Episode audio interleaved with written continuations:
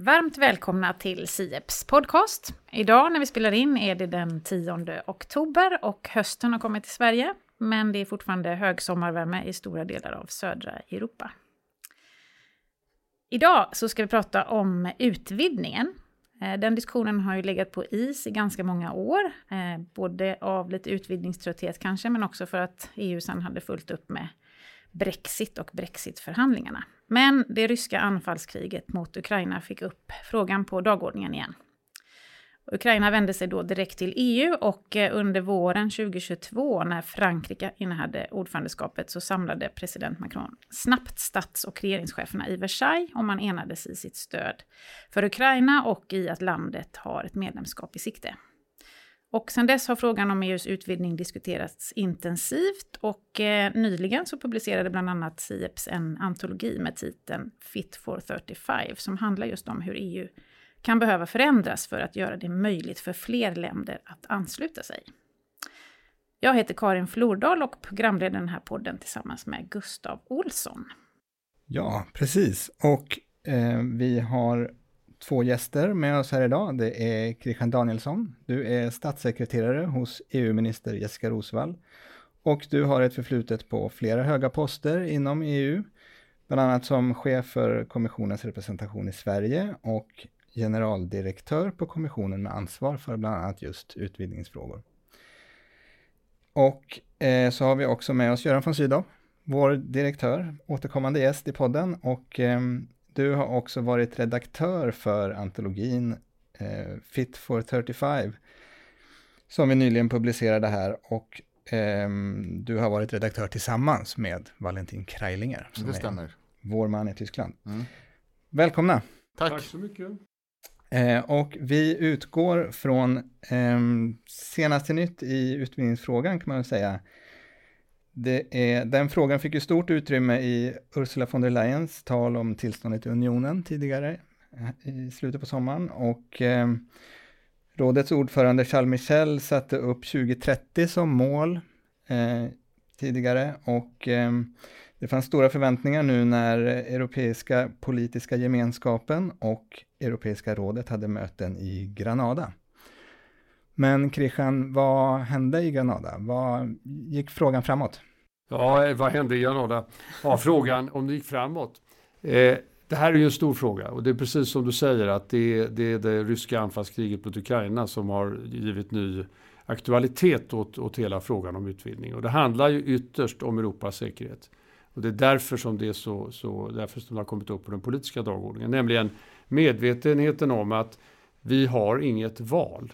Utan nu handlar det om att utvidga med länderna Ukraina, Moldavien, Georgien och länderna på västra Balkan. Därför att det ligger i Europas intresse. Och därvidlag så, så var ju de flesta medlemsländerna är och var i Grenada av den uppfattningen. Sen är det klart, diskussionen i Grenada, det var en första mellan stats och regeringscheferna. Och det var inte heller syftet att man skulle landa på någon gemensam eh, skrivning eller gemensam hållning. Utan vad som hände där var att eh, medlemsländerna gick ut, ledarna gick ut och talade utifrån deras perspektiv. Och där råder det skillnader i uppfattning om hur det här ska gå till. Och det är det som kommer vara den politiska frågan här framöver och det kommer att ta, det kommer att ta den tid det behöver för att sätta sig och vi får fast om ramverket för hur den här utvidgningen ska gestalta sig. Går det att säga någonting redan nu om vilka som är de klurigaste frågorna? Ja, det tycker jag man kan, det, det går att göra. Eh, och det här, alltså jag tror att vi måste ha ett historiskt perspektiv. Eh, var vi befinner oss nu, alltså historien upprepar sig inte, men ibland rimmar den. Och var vi befinner oss nu är ganska likt var vi var 1992-93. Alltså där igen, medvetenhet om att det var ett imperativ att utvidga med länderna som då hade frigjort sig från Sovjetblocket. Eh, men samtidigt, det här kommer att ställa krav på den Europeiska unionen. Den tiden var det Europeiska gemenskapen. Och då ledde det till rätt stora förändringar av hur den Europeiska gemenskapen, vi skapade den Europeiska unionen till exempel. Det är på samma sätt den här gången. Då tittar vi då på vad är det för frågeställningar. Ja, en är ju, är vi, har vi tillräckligt, är vi tillräckligt väl rustade för att kunna klara av att fatta beslut i framtiden? Behöver vi ha mer till exempel av kvalificerad majoritet? Hur ska kommissionen gestalta sig? Idag är det 27 medlemmar i kommissionen, det kan bli upp till 35. Hur ska vi se på de stora politikområdena som kostar pengar? Jordbruket till exempel. Tar vi Ukraina så har Ukraina ett jordbruk som motsvarar hela Italiens yta.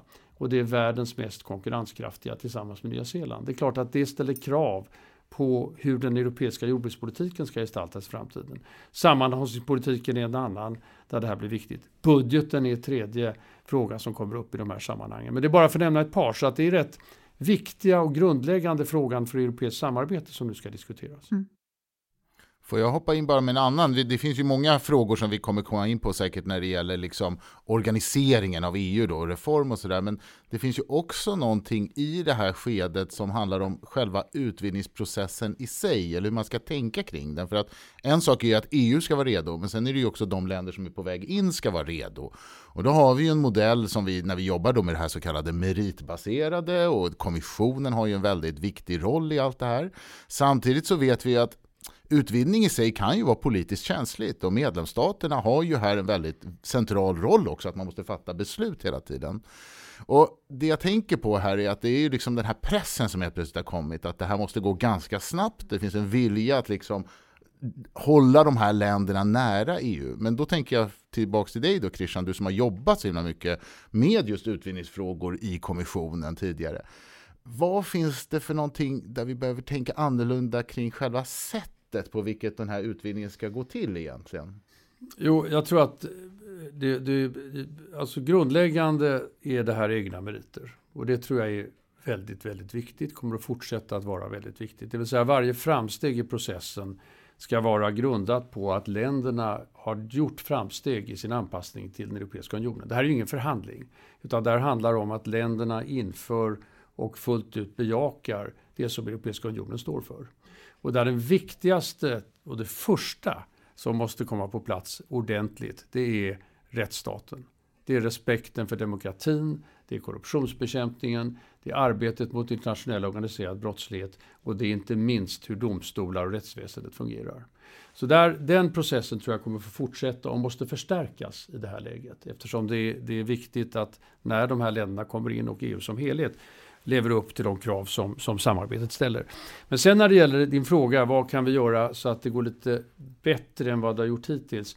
Ja, en del har ju gjorts, alltså den har blivit mera Processen har blivit mer, jag går inte in på tekniska detaljerna, men den har blivit lite mera svarar upp emot de här egna merit, hur, hur det går i, i, i anpassningen.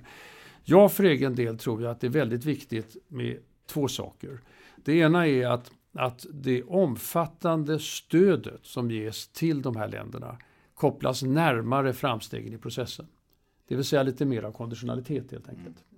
Det är det ena. Och det andra är att jag tror vi måste tänka i termer av att för att de här länderna ska kunna klara av processen så kan vi inte ha det här binära, du är inne eller du är ute. Utan under processen fram till att du blir medlem, länderna då, så ska vi titta på i vilken utsträckning de kan komma med i europeiska, europeisk politik. Och vad menar jag med det? Jag tar konkret. Vi har en transportpolitik i Europa. Och det är väl lämpligt att vi tittar på hur kan de här länderna bli harmoniserade, delaktiga i vår transportpolitik. Eller för den skull energipolitik. Eller jag skulle också tro att, jag tror också att det vore klokt att titta på migrationspolitiken. Hur mycket kan vi få in och få med länderna på västra Balkan eller för den skull Ukraina i vår gemensamma migrationspolitik redan innan de är medlemmar. Så att där tror de här två elementen, stödet och infasning, tror jag kommer att vara viktiga element i framtiden. I det här sammanhanget så har ju lyfts upp redan, faktiskt redan innan den här ryska fullskaliga invasionen så har en del tankesmedjor lyft upp tankar på vad man kallar då för gradvis tillträde, alltså på engelska då staged accession. Och där är det en annan sån här sak att förut har man ju kunnat ha en sån här närmande process som Christian beskriver men inte tillträde till institutioner, alltså inte besluts, beslutande rätt. Och här finns det ju ändå en diskussion som pågår nu som är, skulle jag vilja säga, delvis ny. Om man tittar tillbaka på den förra utvidgningen, stora utvidgningen 2004, då sa ju dåvarande kommissionsordförande, han sa ju allt förutom institutionerna, everything but the institutions. Man ska, man ska gå den här vägen. Men och det intressanta tycker jag är, du nämnde ju Brexit i inledningen, alltså under Brexit-processen som var unik i sitt slag som en slags omvänd utvidgning, alltså när ett land lämnar. Det som hände då kan man ju säga att EUs från sin sida var väldigt måna om att förklara hur EU-systemet hänger ihop och att det inte finns några russin i kakan att plocka. Det vill säga det här är ett, ett rättsligt politiskt system som är liksom ganska sammanhållet. Nu på ett sätt kan man säga att man står inför den motsatta utvidgningen, att vi, utmaningen att vi tvingas till att vara flexibla för geopol av geopolitiska skäl och vi kanske tvingas att tänka lite mer kreativt när det gäller just det här vägen in till fullt medlemskap. Och det i sin tur kan ju få återverkningar på vad som är länderna utanför EU men som har ett väldigt nära samarbete. Även länder som Norge till exempel, borde inte de också då ha ett lite bättre access och faktiskt kunna påverka beslut på vägen in? Och det skulle vara intressant att höra dina ja. tankar om det här Christian. Vad, ja. ska, hur flexibel kan man egentligen vara? Ja, jag tror där finns det ju gränser. Va? Jag tror, när, jag, när jag talar om att eh, närma sig och komma med i, i, politi, i, i politikområden inom EU, då ser jag inte framför mig deltagande i beslut. Mm. Jag ser inte framför mig deltagande i beslut. Utan eh, formerna för det, för att besluten det, det, blir för de som är med. Och jag tror inte du kan röra på det. Det är fördragsfäst det, och då skulle man gå in i en ganska besvärlig process. Och det är precis det du pekar på till exempel i, i fallet Norge eller för den skulle Storbritannien.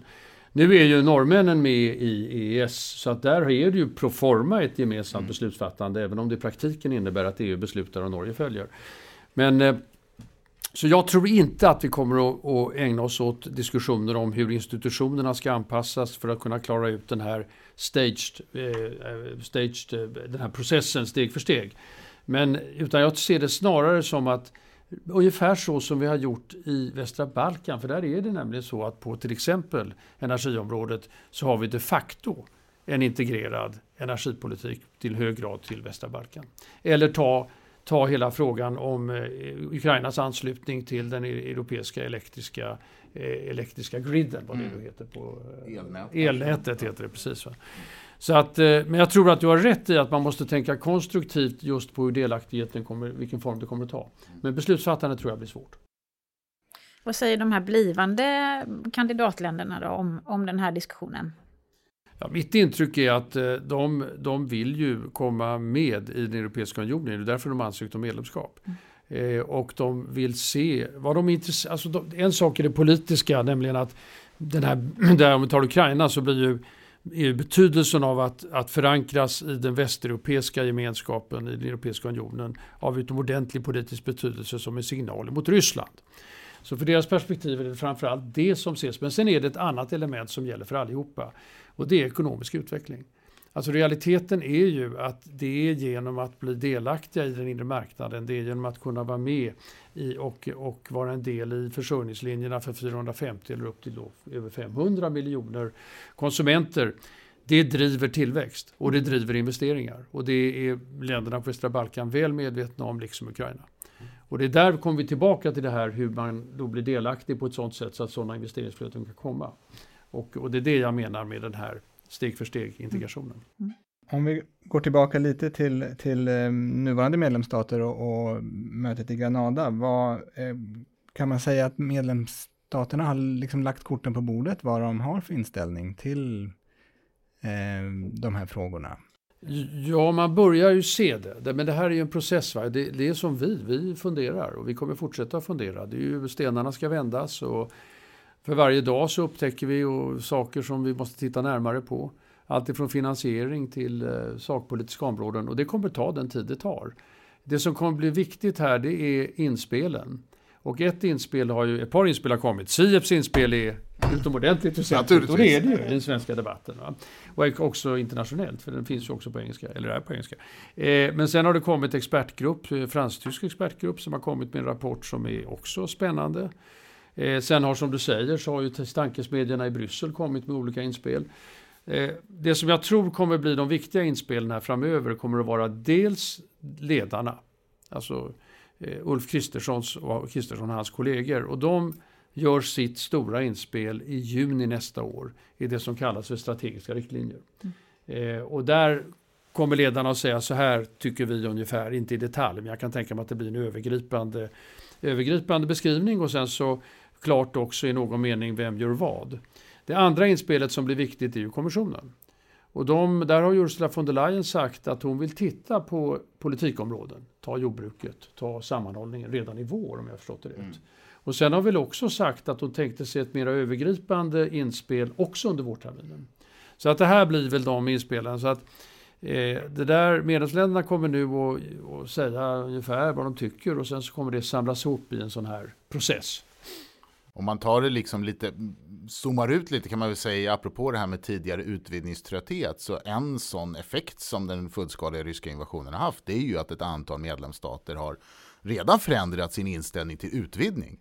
Det kanske mest noterbara är väl Frankrike som ju traditionellt, menar, och tar man ett långt historiskt perspektiv kan man ju påminna sig att Frankrike redan två gånger la in veto mot att Storbritannien skulle komma med i unionen. Så att det, det finns ju liksom en tradition också som jag menar också knyter an till idén om hur man ser på EU och Europasamarbetet. Och det där kommer också få betydelse i den här processen som Christian talar om som leder fram till vad kan man gemensamt tänka? För att jag tror ändå i alla utvinningsprocesser har varit förknippade med också reformdiskussioner.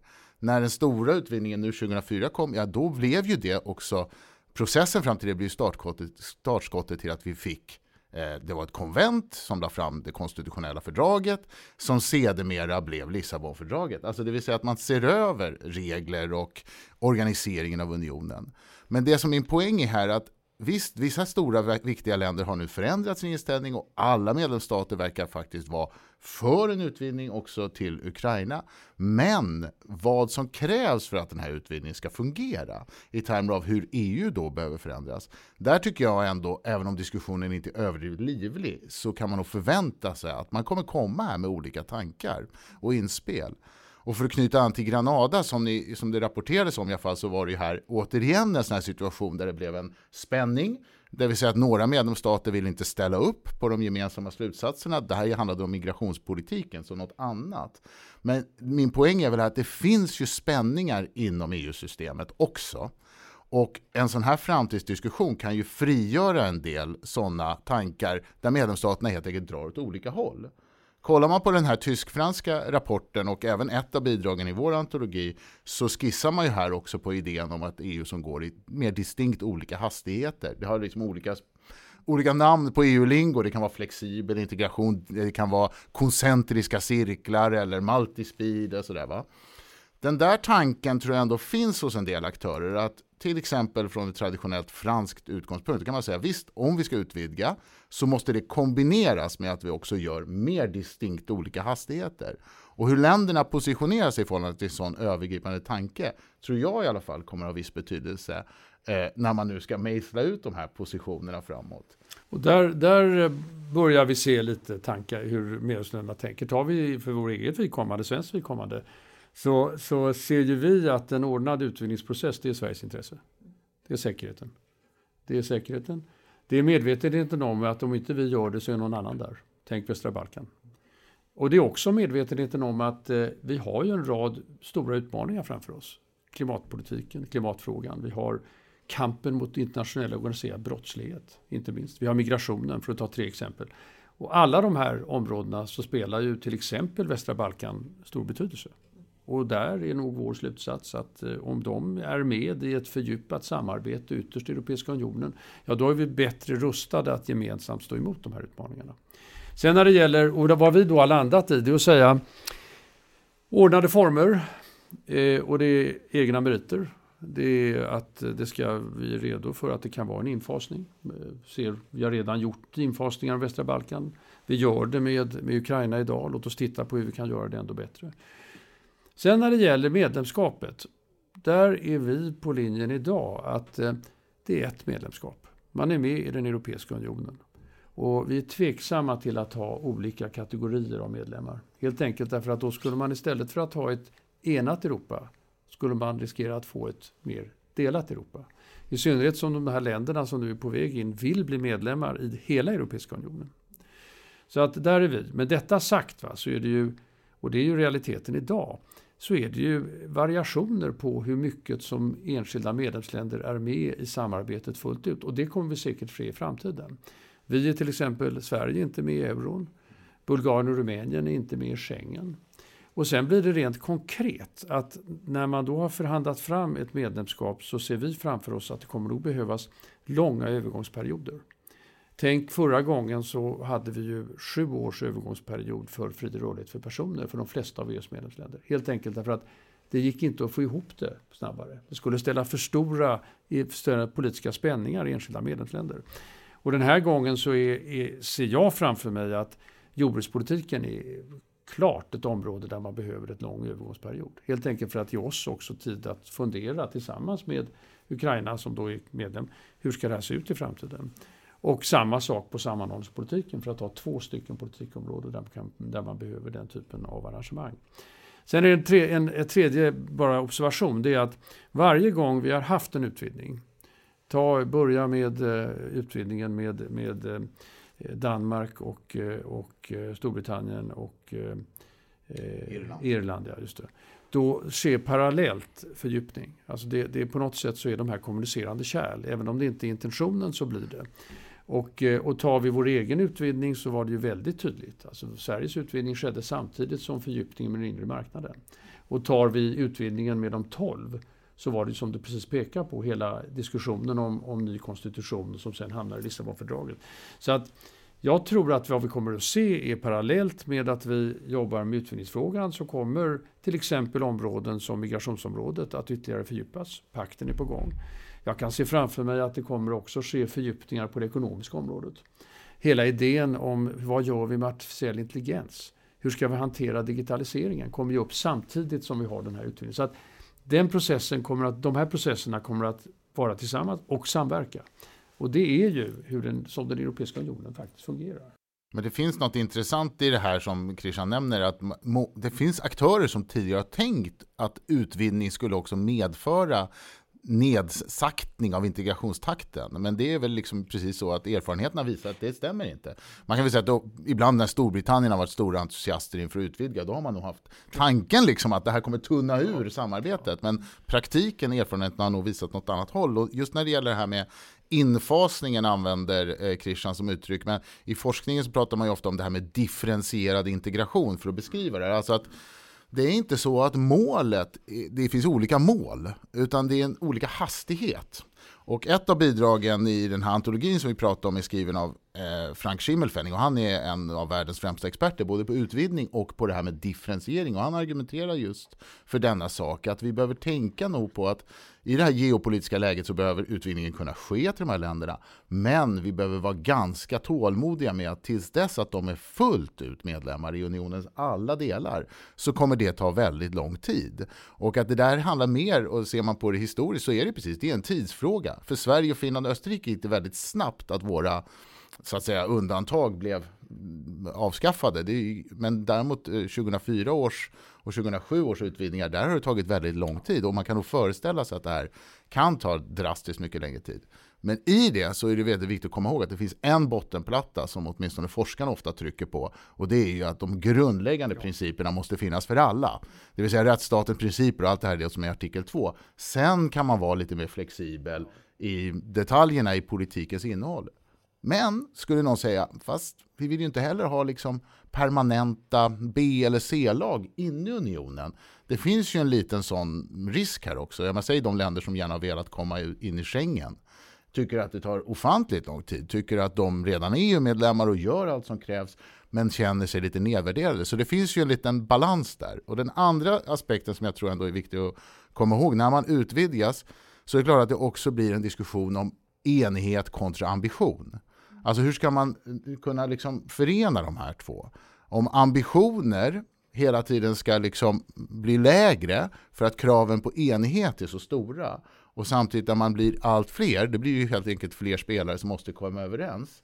De mer ambitiösa, de som vill att EU ska bli något mer än idag, de kan nog se en stor risk att utvidga vi till länder och kanske länder som inte är fullt ut ja, det skiljer sig åt helt enkelt. Kanske inte fullt ut redo. Det finns erfarenheter också av den förra utvidgningen att länder som vid tillfället där de blev medlemmar uppföljde alla kriterier till punkt och pricka men sen har utvecklats i negativ riktning. Så jag vill ändå föra in det att det finns liksom en, en motbild att här kommer vi få en union som fungerar sämre, blir mindre effektivt i beslutsfattande, blir mindre ambitiöst för att det också har den här ökande komplexiteten i sig. Så kan det säkert vara. Och, eh, eh, och jag tror man ska inte, man ska inte underskatta att eh, med eh, 35 medlems, upp till 35 medlemsländer så är det, är det en annan union och det kommer att fungera annorlunda, lite annorlunda från vad det gör idag. Jag hade ju förmånen att sitta i, i, i eh, en europeisk union, eller gemenskap som det hette på den tiden, som hade, som hade 15 medlemsländer. Och det är klart att den var annorlunda än den gemenskapen som, eller unionen vi lever i idag med 27. Detta sagt så eh, var ju oron då, när de eh, 12 kom, att det just skulle ske, det som du beskriver. Men tittar vi på, på utvecklingen sedan 2007, om vi, vi tar det som utgångspunkt, så har ju unionen lyckats att ta sig an rätt stora frågor. Eh, finanskrisen, eh, migrationskrisen, eh, covid, eh, energikrisen nu närmast som en följd av, av eh, det ryska, ryska anfallskriget och, och inte minst eh, stödet till Ukraina. Mm.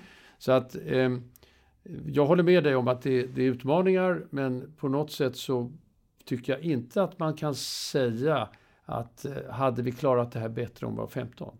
Jag är inte säker på det. Jag tror att det har varit, tar vi till exempel politiken österut så har det varit ett väldigt viktigt element i Europas politik gentemot Ukraina. Det förhållandet att eh, nya länder har kommit in som har en direkt erfarenhet på ett annat sätt av Ryssland. Så att, eh, det Men sen, sen så eh, blir det ju viktigt att titta på beslutsfattandet och det är därför som vi från svensk sida eh, säger att vi är öppna för att eh, utvidga användningen av kvalificerad majoritet på det utrikespolitiska området. Alltså det är inte acceptabelt att EU i, i mänskliga rättighetsrådet i FN inte har en position när det gäller ett tredje land. Det är inte acceptabelt. Och det är inte acceptabelt heller att vi har väldigt stora problem att komma fram med sanktioner.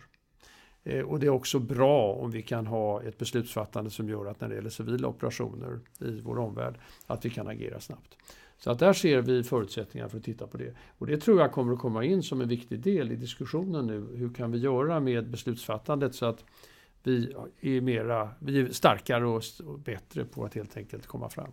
Och vissa saker där kan man ju, alltså bara för att säga att också att utvidgningen ledde inte heller, förra utvidgningen, till det som förväntades att lagstiftningstakten skulle gå ner. Det vill säga att det skulle ta längre tid att fatta beslut. Tvärtom. Så har den ökat. Men det har ju, det kan vissa tycka, men det har ju också att göra med fördrag. Att man ändrade till att i Lissabonfördraget så är det ju kvalificerad majoritetsröstning i nära nog alla politikområden. Och det är ju just en av de frågorna som nu återstår. Att där vissa driver på då att vi bör utvidga det till att vara inom alla områden, bland annat utrikespolitik eller skattefrågor tycker ju vissa. Det tror jag inte Sverige till exempel är lika entusiastiska inför. Nej.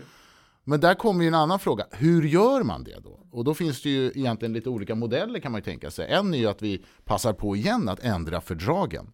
Vissa tycker att det är läge. Den här tysk-franska reflektionsgruppen, de tar ju upp det som en möjlighet. Eller de har faktiskt flera alternativ för hur man skulle kunna förändra fördragen. Antingen via ett brett konvent eller via en mindre regeringskonferens eller för den delen via anslutningsfördragen som kommer med de nya medlemsstaterna och så vidare. Och det finns de forskare i vår antologi, det finns det några som också tycker att det här är läget och vi faktiskt borde göra det. För att också räta ut en del problem som har funnits som har visat sig under de 15 år som vi har haft Lissabonfördraget nu, att då finns det vissa saker man ibland behöver rätta till. Europaparlamentet driver ju också, så, ja, inte, inte så förvånande kanske, den, den linjen. Men den andra metoden som finns då, det är ju att man kan använda det nuvarande fördraget med det som kallas för passereller. Att man med enhällighet fattar beslut om att övergå till kvalificerad majoritetsröstning. Och det är ju inte lätt det heller, för varje gång det är enhällighet, ja då har ju varje medlemsstat vetomakt och man kan chippa in massa andra saker i en sån förhandling. Fördelen ibland med att lägga ihop många frågor, till exempel ändra ett fördrag, det är ju att det blir en paketuppgörelse. Alla länder får, ger och tar och så till slut så är man ganska nöjda med utfallet. Men då säger många, men det är en stor risk. Dels, vi, kan inte vara in, vi ska inte vara inåtskådande nu. Nu har vi en väldigt viktig geopolitisk uppgift. Vi ska stötta Ukraina och det är det det handlar om. Vi ska inte sitta och köta om olika typer av fördragsartiklar. Och för det andra, detta ska ju sen också ratificeras ett fördrag. Och erfarenheten var ju den att förra gången då, det som var konstitutionella fördraget, då följde det folkomröstningar i Nederländerna och i Frankrike.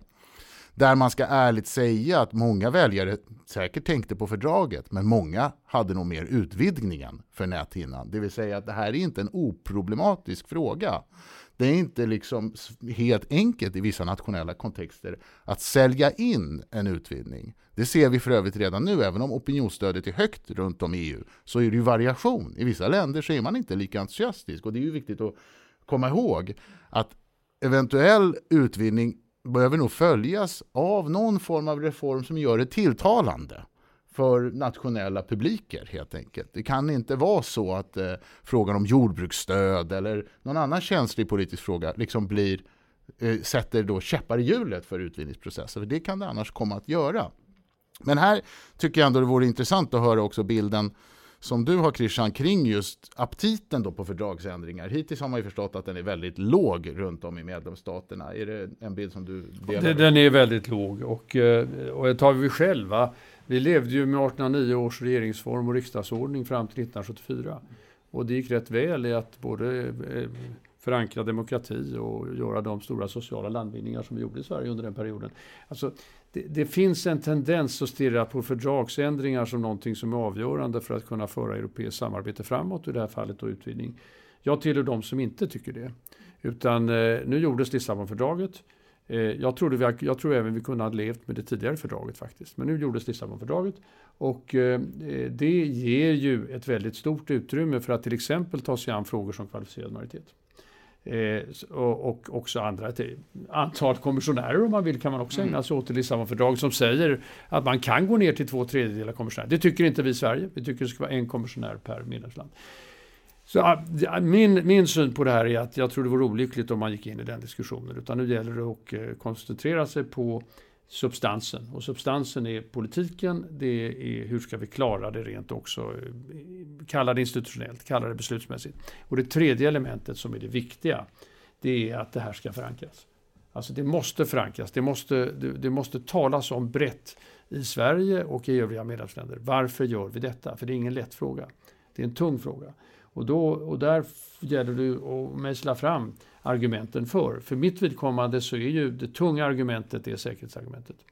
Sen finns det ekonomiska argument också. Men låt mig också säga det att en förutsättning för att det här ska lyckas det är att Europa kan leverera välstånd.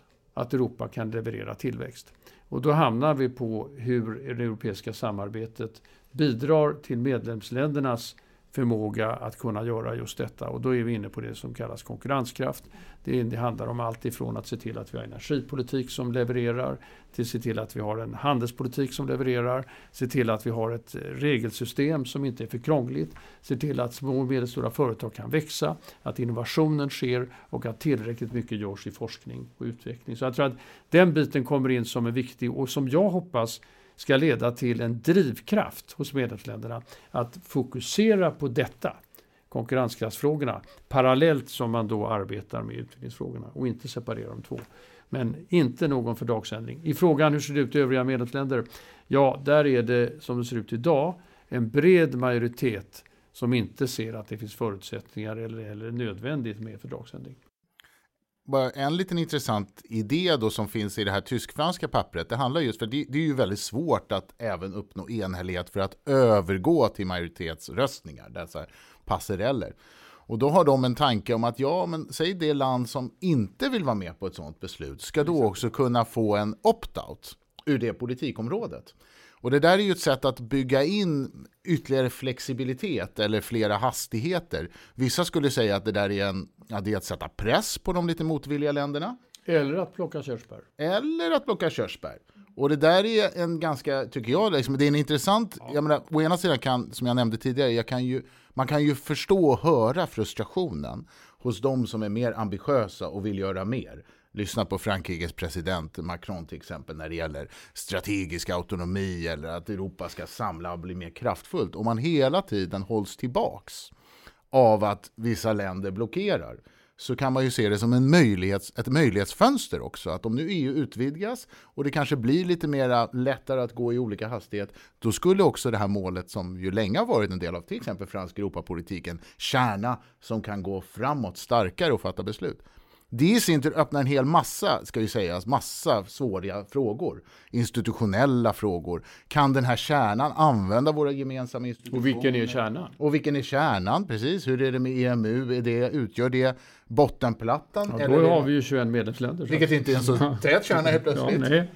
Så det är nog andra saker där. Men, men då kan man säga så här, och det, det, det, är ju, det är ett sätt att försöka liksom square the circle på ett sätt. Att tillåta vissa länder att vara lite mindre engagerade. Ungefär som att Danmark har opt-out. Så kan man tänka sig då att vissa länder inte... Eller du löser, alltså vad, vad, just i utvidgningsprocessen så kommer ju de här övergångsarrangemangen ha den effekten. Så är det också, men, Men det löser inte målet- ambitionen. Nej, men där får man ju ställa sig frågan när det gäller det där med ambitionen. Eh, utan att gå in på något land. Men eh, det är ju inte så att det finns någon enhällighet om vad ambitionen ska vara bland en liten grupp av länder. Man brukar tala om den tysk-franska axeln. Och är det någonting vi ser idag så är det ju att den är viktig, den är, den är djup och den är, ju- de träffas idag på regeringsnivå för övrigt. Men det kanske inte är helt... eh, Nej, harmonisk i alla avseenden. Och det råder skillnader på viktiga politikområden. Så det är, när man talar där om Europas kärna så tror jag man ska vara, vara lite försiktig att kunna se vad det består av. Eh, jag tror ju så här, va, om man tittar på hur det har sett ut över tiden. Det varierar väldigt. Tar vi Östersjösamarbetet så har det varit naturligt för Sverige och länderna runt Östersjön att se det som en viktig fråga och därför har drivit på för att den makroregionala strategin ska ha substans. Tar vi, tar vi på migrationsområdet så har vi också haft intressen och det har varit starka intressen också från andra länder, framförallt i syd, om att driva fram en gemensam migrationspolitik tyngre och klarare. Tar vi på det, på det utrikes och säkerhetspolitiska området så har ju Sverige haft intressen som gått, har varit långtgående. Det är uppenbart att där till exempel Frankrike har haft ändå längre gående intressen. Men det är lite svårt att se vilka andra som Frankrike har haft med sig riktigt där fullt ut. Så att det här varierar mellan grupperna. Tar vi handelspolitiken så vill ju Sverige gärna se en väldigt fördjupad handelspolitik. Eh, och det skulle, där delar vi uppfattningar med Portugal och Spanien. Men det som kanske är skillnad, det finns ju, precis som, det finns ju olika länder driver på eller har en ledarroll inom olika politikfält. Sen kan man ju fundera på men det, om det ska vara mer distinkt olika hastigheter, det vill säga då kommer det med olika rättigheter och skyldigheter också. Det vill säga att bara länder som deltar fullt ut i den här delen av samarbetet har rätt att då fatta beslut eller utnyttja de medel och resurser som finns. Då blir det genast väldigt mycket svårare. För att det finns ju redan i Lissabonfördraget det som vi kallar för fördjupat samarbete. En grupp kan gå fram. Erfarenheten hittills gör väl gällande att väldigt många länder har ett intresse av att vara med. Det vill säga, man vill inte gärna låta några springa i förväg och göra någonting utan att man själv får en plats runt bordet. För jag menar, det är ju själva grunden i EU. Vad är fördelen? Är du du är med med- och fattar Ja. beslut, så att säga. Så ser man på de här PESCO eller... Ja. men för den Pesco är då på det försvarspolitiska området. Då är det, ju, det Försvarspolitiskt finns en tendens att efter tid så vill nästan alla vara med i de här det, samarbetena. Och då är det väl då dilemmat för den som har velat driva fram då är ambitiös.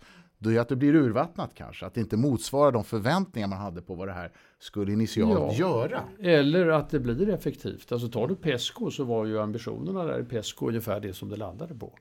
Så att eh, jag, som du märker så är jag lite, jag är lite mer tveksam till den här, den här ansatsen. Den var ju med redan när vi gick in. Eh, På sin tid. Då talade man också om man skulle ha olika hastigheter. Och det var väl så att när Delors la fram förslaget om EES så var den tanken där. Alltså hur kan vi ha Sverige, Finland och de andra i en yttre ring här och sen håller vi på själva inom ramen för de 12.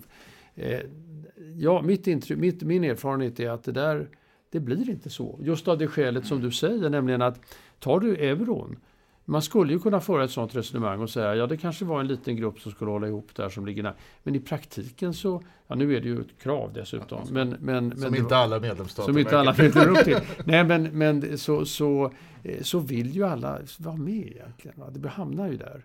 Och det hänger ju samman med att de politikområden som diskuteras inom ramen för den Europeiska unionen är ju av karaktären viktiga för alla medlemsländer. Alltså det är substansen som driver det hela, som jag ser det i alla fall. När vi pratar om utvidgning så är det ju östra Europa och västra Balkan som vi pratar mest om. Eh, Turkiet men, nämns inte lika ofta, men eh, och Turkiet kanske har fått en svalare inställning själva också. Men eh, hur ser det ut? Finns det någon dörr öppen för Turkiet också? Turkiet är ju ett kandidatland och vi inledde ju förhandlingar med Turkiet 2005. Så att, eh, men situationen är ju sån sen 2019 tror jag det är, att eh, förhandlingarna är frysta. Och det hänger samman med att eh, det som, som Göran talade om, nämligen den här betydelsen av det, det grundläggande, nämligen rättsstatens funktionssätt. Och där gjorde kommissionen bedömningen, när de, varje år gör de ju en genomlysning av var länderna står någonstans i den här processen, reformprocessen. Och då gjorde de ju bedömningen att det hade varit en, som de kallade för backsliding, vad det nu heter, vad heter Tillbakagång. tillbakagång, just i Turkiets fall. Och det ledde fram till att rådet och medlemsländerna konstaterade att eh, vi har inte anledning att gå vidare i förhandlingen nu, utan vi fryser den tills vidare. Så där är vi när det gäller förhandlingen. Men det betyder ju inte att det, är ett, eh, att det står stilla när det gäller att arbeta med Turkiet. Utan här finns det ju en vilja från båda sidor att finna vägar att, eh, för att vi helt enkelt, ekonomierna är sammanflätade, vi står inför gemensamma utmaningar, vi har utrikespolitiska problemställningar som är likartade. Eh, så där finns det ju ett intresse av att gå fram på eh, så långt möjligt på andra områden. Och då talar vi om migration till exempel, där det är ett, ett djupgående samarbete med Turkiet. Då talar vi om tullunionen som Turkiet är med i och som ju i praktiken innebär att vi har en gemensam tullmur utåt med Turkiet när det gäller varor. Men den har då inte utvecklats i, i samma sätt, på samma sätt som den inre marknaden har utvecklats inom EU. Så här finns det en väldig potential att titta på hur vi ska kunna fördjupa samarbetet där. Vi kan samarbeta på energiområdet, vi har en lång rad områden och där pågår just nu en reflektion faktiskt ifrån kommissionens sida på hur skulle detta kunna gestalta sig. Och så får vi se hur det utvecklar sig. Man kan, några kommentarer kom ju efter Ursula von der Leyen State of the Union-tal. Hon talade ju väldigt an, alltså varmt om utvidgning, men så använde hon ju ett uttryck som var ungefär Make, när hon pratade om då östra Europa och östra Balkan, making our union complete på engelska var det väl, att det är så ska färdigställt. En del kommentatorer tolkade det som att det betyder att efter den, den här utvidgningen så är det stopp då betyder ju det någonstans också att signalen är att Turkiet inte längre har det perspektivet. Jag vet inte om man ska, hur, hur strikt man ska tolka i den meningen, men det är klart mycket hänger ju såklart på utvecklingen i Turkiet självt också. Men det som är intressant, när vi har pratat ganska mycket om det här med flera hastigheter, men en del av det, vi pratade nu mycket om det här olika hastigheter inom EU, men en del där vi behöver en del kreativt tänkande som nu pågår, det handlar ju också om den yttre ringen, alltså hur gör vi med våra relationer, till exempel till land som Turkiet, men för den delen till Storbritannien också, och EES-länderna. Här tror jag att man kan nog tänka sig att man kan hitta, när väl liksom dammet har lagt sig ännu mer efter Brexit-processen, så kan man nog hitta vägar där liksom det blir ett lite mera ja, men välfungerande och kanske tätare samarbete med även länder som inte är fullt ut EU-medlemmar, men som hittar en annan roll. Men för att det verkligen ska bli så tror jag också att det är återigen den här frågan jag var inne på. Alltså, det ställer lite krav på EUs flexibilitet också. Alltså hur mån är man om EUs, alltså här som vi pratar om integriteten i den inre marknaden med mera. Hur vi, hur vi betraktar EU som ett slutet och liksom robust system och hur benägna är vi att tillåta det att vara lite poröst i kanterna för att få ett välfungerande samspel med grannskapsländerna, inklusive Storbritannien och Turkiet. Och till det kommer ju det här nya formatet då EPC, som ju också möttes i, i Granada i förra veckan, men så vitt jag förstår så kanske det inte kom ut vansinnigt mycket just det här mötet. Men det är ändå ett, ett försök att hitta nya plattformar och vägar fram för att få hela Europa, inte bara EU, att fungera på ett ja, så smidigt nu omfattas, ju, nu omfattas ju eh, EU av rätt stora delar av Europa. Så att jag tror att det, den reflektionen som kommer att finnas där på goda grunder, det är att eh, eh det bästa får inte bli det godas fiende i någon mening. Alltså en situation där EU går emot, som du säger, mer att vara mer porös, som leder till att grundläggande, grundläggande strukturer i, i samarbetet mellan medlemsländerna inom ramen för unionen eh, också blir porösa. Eh, det skulle vara, tror jag, rätt eh, politiskt väldigt svårt att hantera och också sakligt vara, vara besvärligt utifrån eh, effektiv, alltså möjligheten för Europa att leverera när det gäller de utmaningar vi har. Tänk inre marknaden. Alltså inre marknaden är ju ett, ett väldigt starkt åtagande att, eh, att se till att vi har eh, på vissa områden harmoniserade regler men sen är det ju ömsesidigt erkännande. Alltså förtroende för varandra. Och om det skulle bli porositet i hur det förtroendet ska tolkas rättsligt. Ja, då, då tror jag att man har, då, då, då undergrävs ju eh, inre marknaden som sådan. Så att det är väldigt, och där kan man ju inte heller tänka sig att man ska låta tredje länder komma in och besluta. För att det här är ju en väldigt, det handlar ju om, om grundläggande beslut som, som slår rätt in i enskilda medlemsländer. Och om man då vidgar det, ja då ställer man sig frågan Ja, vad, vad spelar, varför, varför ska man vara varför med ska man vara med då? då? Så att jag tror att det där frågeställningen, och det betyder att det finns väldigt klara gränser för hur djupt man kan gå i, i det här mera fördjupat samarbete med, med Ibland kan man ju tänka sig, de, nu tänker vi på utvidgning och grannskapsrelationer ja. väldigt geopolitisk ja. ur sån liksom perspektiv. Men jag tror att det är nog viktigt att tänka också att det här med inre marknaden, det är liksom ett väldigt komplext och djupgående system. Ja. Och EU är i väldigt hög utsträckning en rättsgemenskap också. Så att ibland så tror jag att den här problem, alltså komplexiteten i en sån frågeställning underskattas om man bara tänker ja men så här kan vi väl göra för geopolitiska ja. skäl och vara ja. lite pragmatiska. Ja. Men då glömmer man bort det här ja. oerhört sinnrika systemet. Och ytterst handlar det ju om att vi, Göran, jag, Karin, Gustav ska kunna gå till en domstol i Sverige och få rätt i europeisk lagstiftningshänseende därför att den domstolen agerar som en europeisk domstol. Jag tror inte att vi kan ställa krav på att en brittisk domstol ska göra det, för att uttrycka det krasst. Och det sätter gränserna, eller för den skull turkisk. Det sätter gränserna för samarbetet. Hörrni, när vi nu pratar om, om utvidgningen så tänker man gärna att den kommer att ske lite grann som den har gjort tidigare och att det ofta har varit i grupp. Men vi har också pratat nu om att det ska vara merit, meritbaserat och att man har kommit lite olika långt. Så hur ser ni på, tror ni att det kommer bli så att, att det blir en utvidgning med ett helt gäng länder? Regattan som man brukar tala om. Ja. Nej, jag, tror, jag, jag vågar inte spekulera i det. För att eh, vad som hände förra gången det kan ju hända att det blir en utveckling som förra gången. Och vad hände förra gången? Det var meritbaserat. Det var 100% meritbaserat utifrån de merituppsättningar vi hade då. Det var Köpenhamnskriterierna som, som gällde. Och eh, vad som hände var ju att enskilda medländer som befann sig i det här racet drog på. Alltså där började vi ju förhandla med sex. Estland, Polen, Tjeckien, Slovakien, Ungern och Slovenien. Och sen så kom det ytterligare sex till, ungefär ett år senare. Eh, och vad som hände under de kommande åren där var ju att de länderna som var i den andra gruppen, ta Litauen till exempel, de skenade förbi den första gruppen i reformhänseende och anpassningsförmåga. Och det här såg ju vi som ganska positivt då som satt på EU-sidan och förhandlade därför att det var ju precis det vi ville, nämligen att det skulle vara en, en, en sån här gynnsam konkurrens mellan länderna i att genomföra reformerna. Kommer vi ha den utvecklingen den här gången? Ja, vad vi har sett på västra Balkan eh, i det här avseendet, det förskräcker ju lite, för där har vi inte sett den utvecklingen.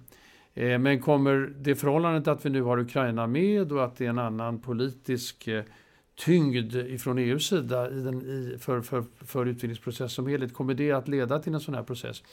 Vi får se. Blir det så är det väl bra. Blir det inte så, så blir det inte så. Då är det vissa länder som kommer vara längre fram än andra och det är ju något som enligt den här med egna meriter så är det klart att det är någonting som också ska resultera i att vi svarar upp emot deras framsteg från vår sida. Jag tror bara allmänt när man talar om årtal och sådär och jag förstår ju att man reaktionen på när Charles Michel nämnde årtal det är ju att man visst kan ha en riktning och jag tror närmsta, alltså nästa kommission alltid, det kommer handla enormt mycket om detta med utvidgning. Men jag tror inte man ska liksom det finns väldigt många stora utmaningar i kandidatländerna. Det finns oförutsägbarheter när det gäller den politiska Absolut. riktningen. Vi har ju faktiskt fortfarande tyvärr ett pågående krig. Så att idén om att sätta, redan, sätta upp mål just nu det tycker jag för egen del låter lite vanskligt. Man kan ju ha en riktning vart man vill, men det är så många faktorer som spelar in i politiken i de här länderna som kan dra åt väldigt många olika håll. Men också har vi ju sett att bilaterala konflikter eller frågeställningar mellan nuvarande medlemsstater och länder på väg in har ju redan stoppat upp de här processerna väldigt mycket på västra Balkan. Det finns, det går inte att utesluta att den typen av situationer och frågeställningar dyker upp även i den här processen framåt. Och det kan man ju bara önska att det inte vore av så små skäl som det ibland är, men att den kunde vara lite mer rationellt styrt. Men det, det finns en sån risk. Dessutom så är ju den här metodologin, alltså att man kan man kan så att säga reversera uppnådda resultat. Så att säga. Kandidatländer som har gått bra åt ett visst håll men sen vänder åt ett håll, då kan man åka tillbaka igen i den här kön. Så att det, det, jag tror att det är svårt ja, att se faktiskt. Nej, precis, jag håller med dig Göran. Och sen när det gäller just det här med årtalhistorien, det, det är ju någonting som skedde förra gången också. Betänk att vi satte inget årtal i den processen förrän rätt sent. Alltså det var i svenska ordförandeskapet våren 2001 som la fast att eh, vi såg framför oss att man skulle kunna avsluta förhandlingar 2002.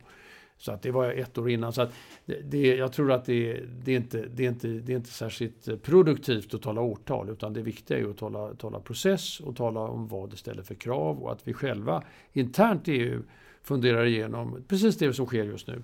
Vad är det för några förändringar vi måste se framför oss? Eh, innan vi rundar av så eh, tänkte vi att vi ska säga några fler ord om vår antologi, Fit for 35, Göran. Och eh, om du kan ge dig på en, en eh, kort ja. sammanfattning av den, kanske börja med att förklara titeln. Nej, men jag ska, vi har ju redan berört ganska mycket om det redan i samtalet, men så här, vår tanke var väl, och det ligger ju i SIEPs uppdrag, att vi ska ju försöka göra forskningsbaserade analyser och ta liksom kunskaper som finns i, ute i det akademiska samhället och, och, överföra det till aktuella och relevanta frågor. Så vi bad fem riktiga toppklass europeiska statsvetare att skriva ganska fria texter utifrån en bred frågeställning då, om hur ska EU förändras. Och man kan väl säga lite bara hastigt av de här författarna så drar de lite olika slutsatser som jag redan har varit inne på. Där några, till exempel Sergio Fabrini, han är, tycker ju att men nu måste vi både förändra fördrag och vi måste ha ett EU som går i mer distinkt olika hastigheter. Annars kommer vi inte klara av de olika förväntningar som finns. Länderna har olika vilja att delegera suveränitet och det ska det återspeglas också i hur vi organiserar det. Även Sonja Puncherikman till exempel, hon tycker att frågan om huruvida någonting är fit for 35 det ställer ju frågan, men vad är det för syfte med unionen? Är det inte det vi borde prata om, så att säga? Vad är det vi ska vara anpassade till? Och hennes slutsats är, ska vi vara anpassade till en svår geopolitisk situation där vi behöver mer kapacitet och kraft? Ja, men då kanske vi också behöver se, om, se över fördrag och hur vi fattar beslut och så vidare. Sen finns det då de här lite mer, vad man kan kalla pragmatiska forskarna. Jag har redan nämnt då Frank Schimmelfenning, men även Tanja Börtsel. Hon navigerar ju mer i att, nej, men att lyfta upp fördragen, det skulle bara krångla till saker just nu. Det skulle riskera att hela den här här processen snarare spårar ur än något annat. Och man måste snarare tänka i termer just av den här differentiering eller långa övergångsregler som sedermera leder till att EU fungerar som en enhet. Och i hennes fall så betonar hon ju väldigt starkt det här med att bottenplattan måste vara rättsstatens principer och våra grundläggande värderingar, men därefter kan vi vara lite mer flexibla. Ett sista bidrag i Uvmeni, som är, det är ett väldigt intressant bidrag måste jag själv säga, som är har en väldigt historisk blick på det här. Han menar väl att ja, huruvida vi är anpassade 35, vi borde nog också ställa oss frågan, är vi redan anpassade för 27? Och han har väl ett hyfsat liksom, tveksamt svar på det, att det är inte säkert att vi klarar det här med ambition och enighet redan som unionen är nu. Men att det grundläggande problemet för honom kanske inte är institutionellt finlir, utan det handlar mer om den politiska viljan. Alltså vill inte medlemsstaterna gå i samma riktning, ja, men då kommer vi behöva leva med att det är den här typen av skav ibland i unionen. Och kanske går det att leva med det, men då gäller det kanske att sänka lite förväntningarna. Så där har vi ett antal olika bidrag som vi tycker ger liksom en stimulerande diskussion. Och eh, den som lyssnar på det här precis när det släpps eh, vet, kan veta att vi har ett seminarium nu på torsdag den 12 där den här ska presenteras. Och då har vi också med oss EU-ministern som ska presentera ännu mer om vad den svenska hållningen i de här frågorna är, samt faktiskt också en av dem som har varit huvudförfattare till den här tysk-franska rapporten som vi nu har pratat om, eh, som också kommer delta där. Så det här kommer bli väldigt givande och vi tror ju för, för vår del att det här är en diskussion som kommer fortsätta. Det här är bara för vår del, det första vi gör på det här området just nu. Men det finns ju massa, massa frågor som kommer i kölvattnet av allt det här. Ska vi runda av med en sista fråga till er? Som är om ni eh, kort och eh, koncist ger du på en prognos på när kommer EU att utvidgas nästa gång? Ja, den passar jag på, va? utan eh, jag tror inte att det, jag kan inte säga, och det gör jag därför att jag, jag kan inte svara på frågan. Men om frågan är, är det här ett, är det allvar nu? Är detta någonting som kommer att ligga kvar som en prioritering för den Europeiska Unionen? Då är mitt svar ja. Jag tror precis som Göran att eh, detta kommer att vara kanske en av de viktigaste uppgifterna för nästa kommission, alltså nästa mandatperiod, nästa parlament.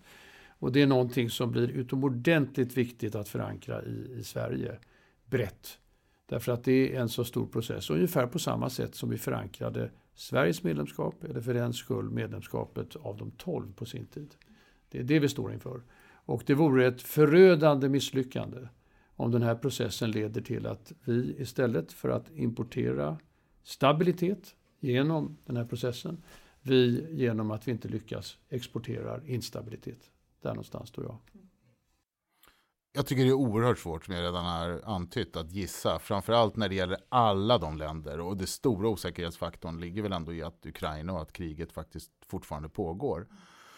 Skulle jag kanske gissa någonting så något, av, något eller några av länderna på västra Balkan eh, kanske är mer realistiskt till 2030. 2030. Men ja, det är ju det är en gissning lika, lika god som någon annans måste jag säga. Här. Mm. Ja. ja, det är svåra frågor. Det är svåra frågor. Som vi får skäl att återkomma till. Precis. Men eh, avslutningsvis så eh, Fit for 35 finns att ladda ner på vår sajt och seminarier på torsdag. Och vi behåller kollen på den här frågan kan man säga på SIEPS i stort. Prenumerera gärna på SIEPs nyhetsbrev så missar man ingenting. Följ mm. oss i sociala medier. Stort tack till dig Christian Danielsson. Tack så och mycket. till dig Göran von Sydow för att ni var med i podden idag.